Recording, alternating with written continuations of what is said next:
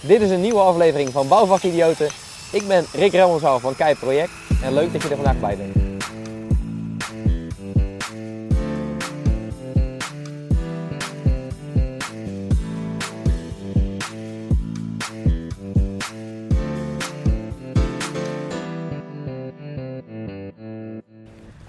Hey Rudy, Hey Rick man.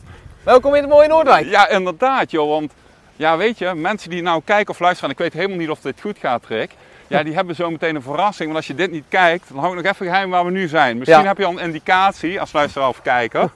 dus we gaan nu gewoon zitten. Ja Rick, na deze korte wandeling, welkom eh, bij weer een nieuwe aflevering van Bouwvakidioten podcast. Ja, en bizar eigenlijk, want Rick, sowieso welkom in mijn podcast. Vertel, waar zitten we hier? Nou, we zijn vandaag in het eh, mooiste dorp van Nederland. Wel geheten Noordwijk, Noordwijk aan Zee. Ja, en eh, zo vaak komt het niet voor dat je eind oktober met eh, 20 graden, nou jij zit in je overhemd, even op het strand zitten kan. Ja, dus vanuit dat kader hebben we eigenlijk al een unieke uitzending. Want ik vertelde jou net ook, ik word volgend jaar 50, dus ik heb het 49 jaar niet meegemaakt. Dat je gewoon met je hempje aan, inderdaad bijna begin november, gewoon heerlijk op het Nog strand, kan zitten. zitten. Ja, ja. Dus eh, ja. ja, even gewoon hoe ik het normaal ook doe. Mhm. Welkom in mijn podcast Rick. En ja, vertel, wie ben je en wat doe je? Nou, ik ben Rick Hemmelsal, werkzaam bij Kai Project, plan- en communicatiesoftware voor in de bouw. Mhm. En eh, ja, wij helpen heel veel bouwbedrijven in Nederland met het ja, makkelijker plannen en het beter communiceren op hun bouwprojecten. Mhm. En eh, dat doe ik nu zelf vijf jaar, met volop plezier. En het bedrijf bestaat nu ruim negen jaar al. Mhm. En eh, ja, we hebben zo goed als eh, 1500 bouwprojecten in Nederland die tegelijkertijd met onze software draaien. Die we Ja. mogen helpen. Top. Voordat we over jouw rol daarin gaan hebben, Mhm. vraag die ik iedereen stel. Vind je jezelf een vakidioot, Rick? 100% ja. Dus ik ben gestart als loodgieter bij het bedrijf van mijn vader. Mhm. En nou ja, daar de, een van toch wel de mooiste sectoren van, ja, die je kan vinden kennis gemaakt. En Mhm. eh, nou, op een gegeven moment kwam de uitdaging om mijn wereld te verbreden bij Kijp. En zo ben ik gestart bij Kijp. Maar ja, dus eigenlijk heb ik de kant van de projectpartners gezien, zoals gezegd. Mhm.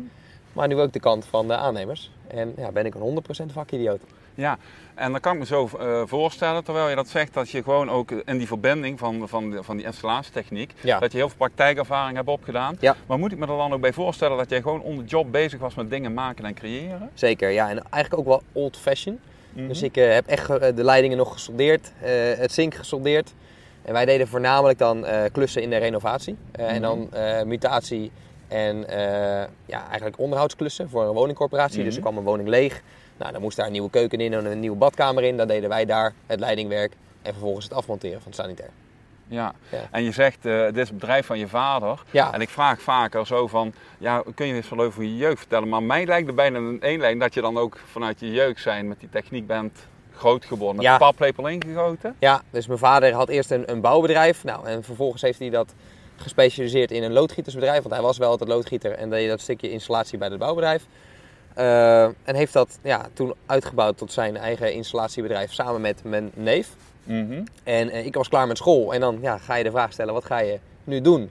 Ja. Nou, en ik, eh, mijn vader zei, je gaat geen half jaar op de bank zitten, dus je gaat bij mij aan de slag. En ik zou eigenlijk gaan studeren. Maar dat halfjaartje op de bank zitten of bij hem werken werd eh, in Ja, totaal ja. zeven jaar. En ja, veel mogen leren. En ik denk dat het voor iedereen in heel de wereld goed is om minimaal even een halfjaartje stage te lopen in de bouw. Dat je Mhm. echt gewoon ja, de harde wereld niet, eh, ziet. En eh, ja, dat ze dan ook een, een- de mooie sector leren kennen. Dat sowieso. En nou ja, zo is het eigenlijk ja, doorgaan en doorgegaan. En nou, zo, ja, hoe is dan zeg maar de relatie met Kijp ontstaan? Nou, eh, de, de eigenaar van Kijp, dat is Stan Roestenberg dan. Mhm. Dat is de vader van mijn beste maat Bas Roestenberg. Ah, oké, duidelijk. En nou, ik kwam daar elk weekend over de vloer. En het was niet de eerste keer dat ik scheldend bij Stan aan de tafel zat. Dat ik eh, met mijn wc-pot naar boven liep. En dat Ja, er nog ja. geen tegel aan de muur zat. Ja, ja, ja, ja. ja En- bekende problemen, vooral op dit moment. Hè? Ja, dus eh, Stan die, had, eh, ja, die heeft altijd hele mooie ideeën. En zo ook was hij dus voor, nou, voor zijn bedrijf Bohemen destijds een tool. Ja, was hij op zoek naar een tool waarin hij kon plannen en kon communiceren. Nou, dat was er toen nog niet.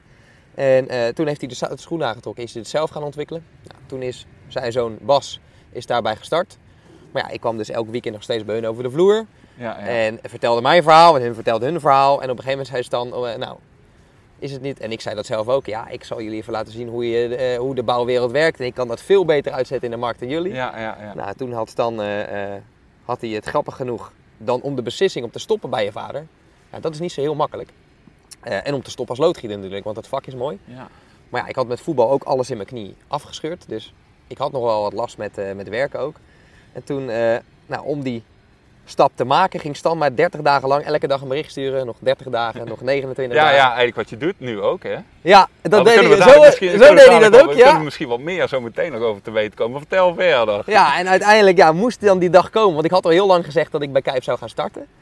Eh, maar ja, de Stan ging dus elke dag een, een eh, appje sturen met nog 28 dagen, nog 27 dagen. En Ja, uiteindelijk ja, was de ja. dag daar. En toen eh, heb ik tegen mijn vader gezegd, joh pa, ik ga dit doen. En die stond er ook helemaal voor open, want ja, die Ja, ik wou net zeggen, kans. mag je nog thuiskomen? Maar dat is goed gekomen. Ja, eh, het is goed gekomen. Ja, ja. Hij is ook hofleverancier van alle functies in Kijp. Want als ik Mhm. op zondag koffie ga drinken en iets werkt niet in Kijp, nou, dan hoor ik het elke zondag weer van joh, dat moet veranderd worden of dat moet verbeterd worden. Ja. Nou, en op die manier kunnen we er ook weer van leren. Ja, want jij zegt nou, ik denk dat Kuip, eh, ja dat is in jouw DNA inmiddels, dat heb ik nou Ja. heel vaak gehoord. Maar waar staat het eigenlijk voor? Want ik hoor Kuipen en zo, Eh, wat is het? Het staat voor Keep Your Promise. Oké. Ja, in het Engels. Of eh, hou je aan je beloftes in Nederland. Ja, ja. En dat is toch wel een dingetje wat we, waar we voor kunnen zorgen. Dat, dat ja, wanneer je goed met Kijp plant, dat iedereen zich aan die beloftes kan, na kan komen.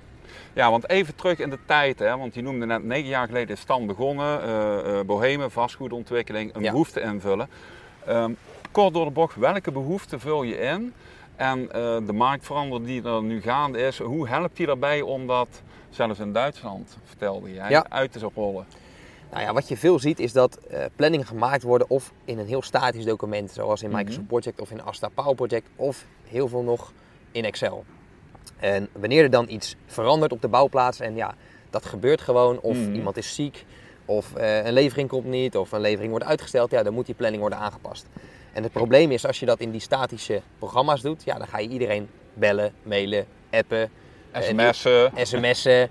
Eh, je gaat een nieuwe versie delen. Eh. Maar omdat je een nieuwe versie deelt, kan het ook zomaar zijn dat je iemand vergeet. Maar, maar je oude versies creëert en de kans op miscommunicatie ontstaat. Eh dus Stan die heeft destijds dan voor zijn eigen projecten allereerst eh, gekeken naar een oplossing. Nou, Mhm. Die kwam toen met dit systeem waarin je dus een planning kan opzetten, maar aan Mhm. elke taak een persoon kan koppelen. Nou, en die persoon krijgt dan een afteller over hoeveel werkbare dagen hij of zij moet starten op de bouw. Dat is het grootste voordeel. Dus iedereen weet wanneer die moet starten en wanneer die klaar moet zijn. Mhm. Maar er zit nog een ander groot voordeel aan. Dat je weet wanneer je, ja, als die planning wijzigt. Dat ik ben uitvoerder. Ik wijzig de planning door welke reden dan ook. Dan pas ik de balken aan die daar ja, een relatie mee hebben. Mhm. Dan krijgen al die mensen waarvan hun taak gewijzigd wordt, automatisch een mail. En in die mail staat dan de oude datum, de nieuwe datum en ook de reden waarom het gewijzigd is. Ja, ja, ja, nou jij dat zo vertelt, begint dat kuip wel een beetje door te sijpelen. Want dan komt het, als ik voor mezelf vertaal, er eigenlijk op neer van dat keep your promise. Mhm. Dat is enerzijds dat jullie een product eh, leveren wat mede door je vader aan de keukentafel mee evolueert naar een, een beter eindresultaat. Ja, Door ja. samenwerking met je klant. Dat is één ding wat ik voel. Hè? Ja, ja, 100%. En, en het tweede ding is, eh, eh, hou je aan je belofte, als ik het vertaal, dat is dat je eigenlijk door die transparantie van communicatie Juist. gewoon iedereen op het juiste moment inschakelt, waardoor er, zoals ik het dan zie, ook geen kosten gemaakt worden die onnodig zijn. Ja, inderdaad. Want kijk, normaal als je een, een PDF hebt die eens in de zes weken, dus een zes weken planning wordt verstuurd, ja, dan kan je als partner zijn en die planning openen en dan is dat ding misschien wel vijf weken oud. Eh, maar doordat in Kijp de partners en de uitvoerders vinkjes kunnen zetten over van taken die gereed zijn, breng je die communicatie veel beter op gang. Dus het kan zomaar zijn dat ik bijvoorbeeld in plaats van vandaag gisteren al mijn sanitair heb afgemonteerd, Ja. en na ons de kitter komt. Maar als die kitter dan in de planning kijkt en die ziet, hé, hey, een vinkje, nou, Mhm. dan kan ik die communicatie ook onderling op gang brengen. En wij noemen dat met een mooi woord sociale controle.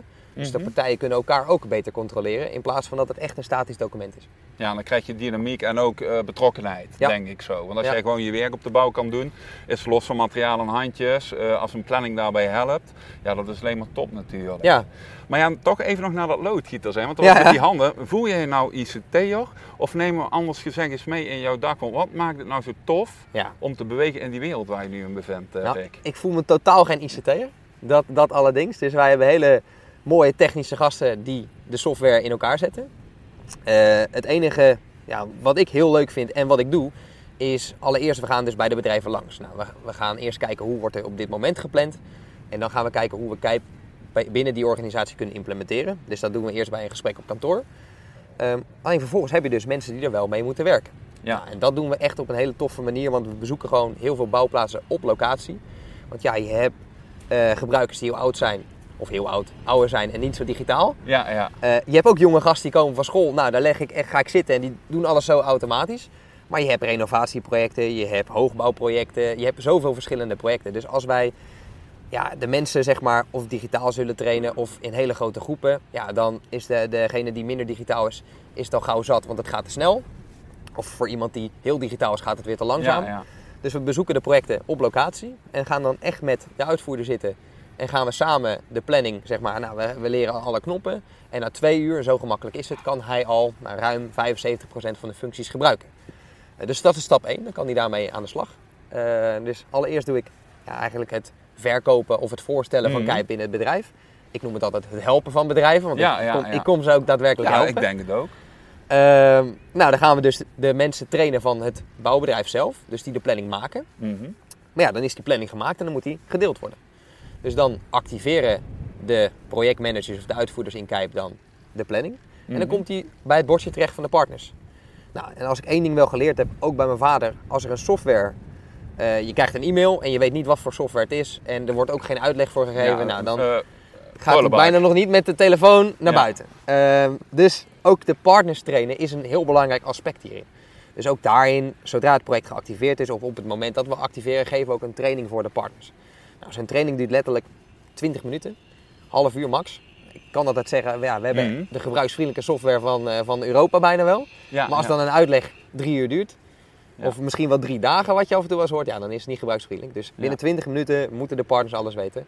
En ik zeg altijd, één ding is daarin heel belangrijk en dat is dat er voordeel in zit voor die personen zelf. Want als ik, Eigenlijk voor alle deelnemers, toch? ja, want als ik een, een deelnemer ben in, in jouw project en ik denk, ja Rudy, leuk dat je dat verzint, maar het kost mij per week drie uur tijd extra. Ja, om het te plannen en eh, na te volgen, dan, eh, dan houdt het snel op met het voordeel. Dan gaan we dat niet doen, nee. Ja. Dus eh, de kunst is om bij iedereen in te laten zien wat nou het voordeel kan zijn voor hun. En dat doen we tijdens die trainingen. Dus tijdens die training ga ik echt in op een partner van wat is het voordeel voor mij als partner. Ja, ja, duidelijk. Ja, Ja, en dan, en dan realiseer ik me terwijl je dit vertelt. Eh, ik kan me ook zo voorstellen dat het gewoon tof is wat je doet. Want enerzijds lijkt het me zo dat je eigenlijk in je verleden hangt qua eh, energie en omgeving, omdat je daar graag bewoog. Ja. Maar ook door je fysiek wat je aangaf, je knieën niet meer echt eh Nee. denkt van nou, dat kan ik. Maar je bent wel binnen die wereld met iets tofs bezig. Ja. Wat met een jonge club, eigenlijk met een heel dynamisch product, eh, zelfs tot in Duitsland wordt neergezet. ja, En je vertelde net, ehm, ja, mooi Noordwijk, maar ik moet ook naar Dortmund. En dat is best een pokken eind rijden. ja. Dus ik vraag me dan ook af, Rick, eh, hoe zorg jij ervoor dat je balans tussen eh, die energie die jij gewoon in Kuip stopt met, jou, eh, met jouw rol, Mhm. dat je die gewoon goed afwisselt met ontspanning en dat je er op maandagochtend wel lekker tegenaan kan. Hoe doe je dat? Nou, ik heb wel veel zeg maar kantoordagen en dagen dat ik onderweg ben. Dus vaak ben ik op maandag en vrijdag bij ons hier in het kantoor in Noordwijk. Mhm. En dan ben ik dinsdag, woensdag en donderdag onderweg op afspraken. Nou, dat is vaak zeg maar de ene week dat ik naar Duitsland ga, dus dan kan ik die afspraken combineren, want dan ook daar geven we de trainingen op locatie. Dus dan, ja, dan rij ik richting Duitsland, dan pak ik vaak al een afspraak onderweg, bijvoorbeeld eh, bij de grens van Arnhem. Nou, dan rijd ik zo door en dan pak ik Dortmund. Eh, en op die manier ben ik dan onderweg in Duitsland, Ja, vaak ja. dinsdag, woensdag of donderdag. Afhankelijk van het aantal afspraken. Maar dat doe je ook in de Duitse taal, veronderstel ik. Dat doe ik ook in de Duitse taal, ja. ja. En hoe heb je dat zo snel eigen gemaakt dan? Hoe werkt dat dan? Nou, dat ik was, kan me voorstellen dat dat best een uitdaging is, toch? Ja, ja, dus we hadden een eh, mooie, mooi bouwbedrijf ten Brinke die eh, ja, een pilotproject had in Duitsland. Mhm. 280 eh, studentenwoningen in Dortmund. En die aanvraag kwam in juli. En in 1, eh, volgens mij 1 september moest het live staan. Ja, dan hadden we toch een uitdaging, want Bas sprak geen Duits. Ik sprak geen Duits. Stan spreekt ook wel Duits, maar die doet de trainingen niet. Dus ja, en toen eh, zei Stan, nou dan gaan we eh, zorgen dat je Duits spreekt. Dus toen is er in de, in de bouwvak is er een eh, dame bij ons op kantoor gekomen. En die heeft me in drie dagen even een spoedcursus Duits gegeven. Zodat ik die training kon geven bij, bij de Duitse gebruikers in Dortmund. Ja, ja, ja, dat is leuk dat je dat zegt, want jij noemde net drie dagen. Dat als jij drie dagen kuiptraining geeft, dat het niet klopt. Maar voor Duitse leer heb je lang meer dan 20 minuten nodig, toch? Ja, dat, dat, ja dat, het grappige was, ik had een Nederlandse training opgenomen. Al die woorden zo opgeschreven, Ja. zeg maar. Nou, dit is een Nederlandse training. Mhm. Dat wil ik leren. En ik moest ook geen vraag krijgen in het Duits, want daar snapte ik er niks van. Want ja, dan kreeg ik een vraag en dan moest ik het beantwoorden. Maar dat Ja, stond niet ja. in mijn script. Ja, precies. Dus ik had die Duitse, eh, dat hele Duitse script opgezet. En dat was, eigenlijk ging het vrij makkelijk. En ik had ook wel een beetje geluk, want er zaten Nederlandse eh, gasten bij van Te Brinken. Die als er een vraag werd gesteld, Ja. dat zij dan ook konden helpen. Eh, maar dat was ja, de eerste kennismaking met Duitsland. En inmiddels wel nog meerdere trainingen gedaan op het gebied van eh, Mhm. Duitse taal. En ja, als je elke week in Duitsland bent, dan gaat het ook wel een stuk sneller. En dan eh, kort door de bocht eh, en beantwoord. Zijn de behoeftes en de, de, de uitdagingen, zijn die ook in Duitsland hetzelfde eh, Ja, dan dus in Nederland? Sommigen zeggen ja, dat is een hele andere wereld, maar ik merk dat niet echt zo. Ik vind de, de bouw is hetzelfde. Tuurlijk heb je hier en daar andere wetten, maar Mhm. ja, er wordt hetzelfde gepland. Eh, er worden ook gewoon, wordt ook gewoon heel veel gewerkt met projectpartners. Planningen worden ook gemaakt in Microsoft Project en in Excel, heel statisch. Eh, dus in dat opzicht is het in mijn, voor mijn wereld bijna allemaal hetzelfde. Ja. En dan kom je terug naar die week, want eh, die vraag is nog in mijn hoofd blijven hangen. Wat doe je dan eh, in de privé-setting om te ontspannen? Want je had het over ijs en een restaurant en zo. Ja, Wat kun je daarover vertellen? nou, ik doe meerdere dingen. Om te ontspannen doe ik ook veel padel spelen. Mhm. Dus dat nou, doen we twee keer in de week met een groepje vrienden. Eh, ik sport in de, in de sportschool veel. Dus vanochtend nog even voor het werk. Dus dan ben ik eh, kwart voor zeven in de sportschool tot eh, nou, half acht. En dan gaan we om acht uur aan de slag. Maar ik spring af en toe ook in een ijsbad, ja. Ja, lekker. ja dus dat, dat is, nou, daar hadden we het inderdaad over. Ja. Om helemaal tot rust te komen of om te gaan in stressvolle situaties vind ik dat wel heel gaaf om, om allereerst geleerd te hebben en nu te doen ja, en toe te passen. En wa- wat merk jij als, eh, voor mensen die dat misschien nog nooit gedaan of eh, ja, gezien ongetwijfeld, Wim Mhm. Hof. Maar wat, wat levert jou dat op? Eh, niet alleen in je hoofdmodus, maar ook in je lichaam. Wat merk jij na zo'n ijsbad? Rick? Nou, vooral dat je dus eh, eigenlijk ook door gaan wanneer het eventjes pijn doet. Want ja, in het begin is het niet leuk. Maar uiteindelijk ga je eruit en dan heb je één ja, zelf overwonnen. Want ja, je, wil, je lichaam zegt ga hieruit, maar je blijft zitten. ja. Dus tegen je wil en blijf je toch een beetje zitten. Eh, maar je denkt op dat moment ook helemaal aan niks anders, vind ik. Waardoor je ja, gedachten even geleegd worden. Je staat op nul en kan daarna goed de dag beginnen. En eigenlijk ook met direct een overwinning. Want ja, je bent toch wel weer dat ijsbad in Ja, ja, ja, dat vind ik persoonlijk ook de lekkerste. Ja, Dat, Ja. dat je gewoon even gewoon echt met focus op je ademhaling, vaak ook in mooie natuur. Ja. Dat je gewoon even kan genieten van nu en even niks aan je. Ja, dat heb ik nog niet gedaan, dus ik ben nog niet de sloot ingesprongen bij ons achter of eh, dat soort Ja, dingen. Ja, Kan ik misschien wel een keertje gaan doen. Ja, maar we hebben hier natuurlijk ook de zee die eh, ja, na- ja, dat zeker. in de winter gaat die volgens mij tot een graad of 6, 7 of zo, zoiets. Dus dat is toch ook al eh, aardig koud. Ja. Dat is, ik denk dat hij nu een graad of 18 is, dus dat, nou, dat is een groot verschil. Ja, met deze temperatuur kan het ook niet. Deze, ja, nee. Dus ik vraag me eigenlijk ook af van is het eenmalig dat we hier nou in november met 20 graden zitten? ja. Of zal dat eh, volgend jaar niet meer uniek zijn wat we hier nu aan het doen zijn? Nee. Maar ja, we gaan het zien Rick. Hey, nou eh, weet jij op het einde van mijn podcast, Ja. stel ik altijd een aantal vragen. Maar voordat ik dat doe, Mhm, eh, je weet mijn podcast gaat ook over leren, produceren en realiseren. mhm.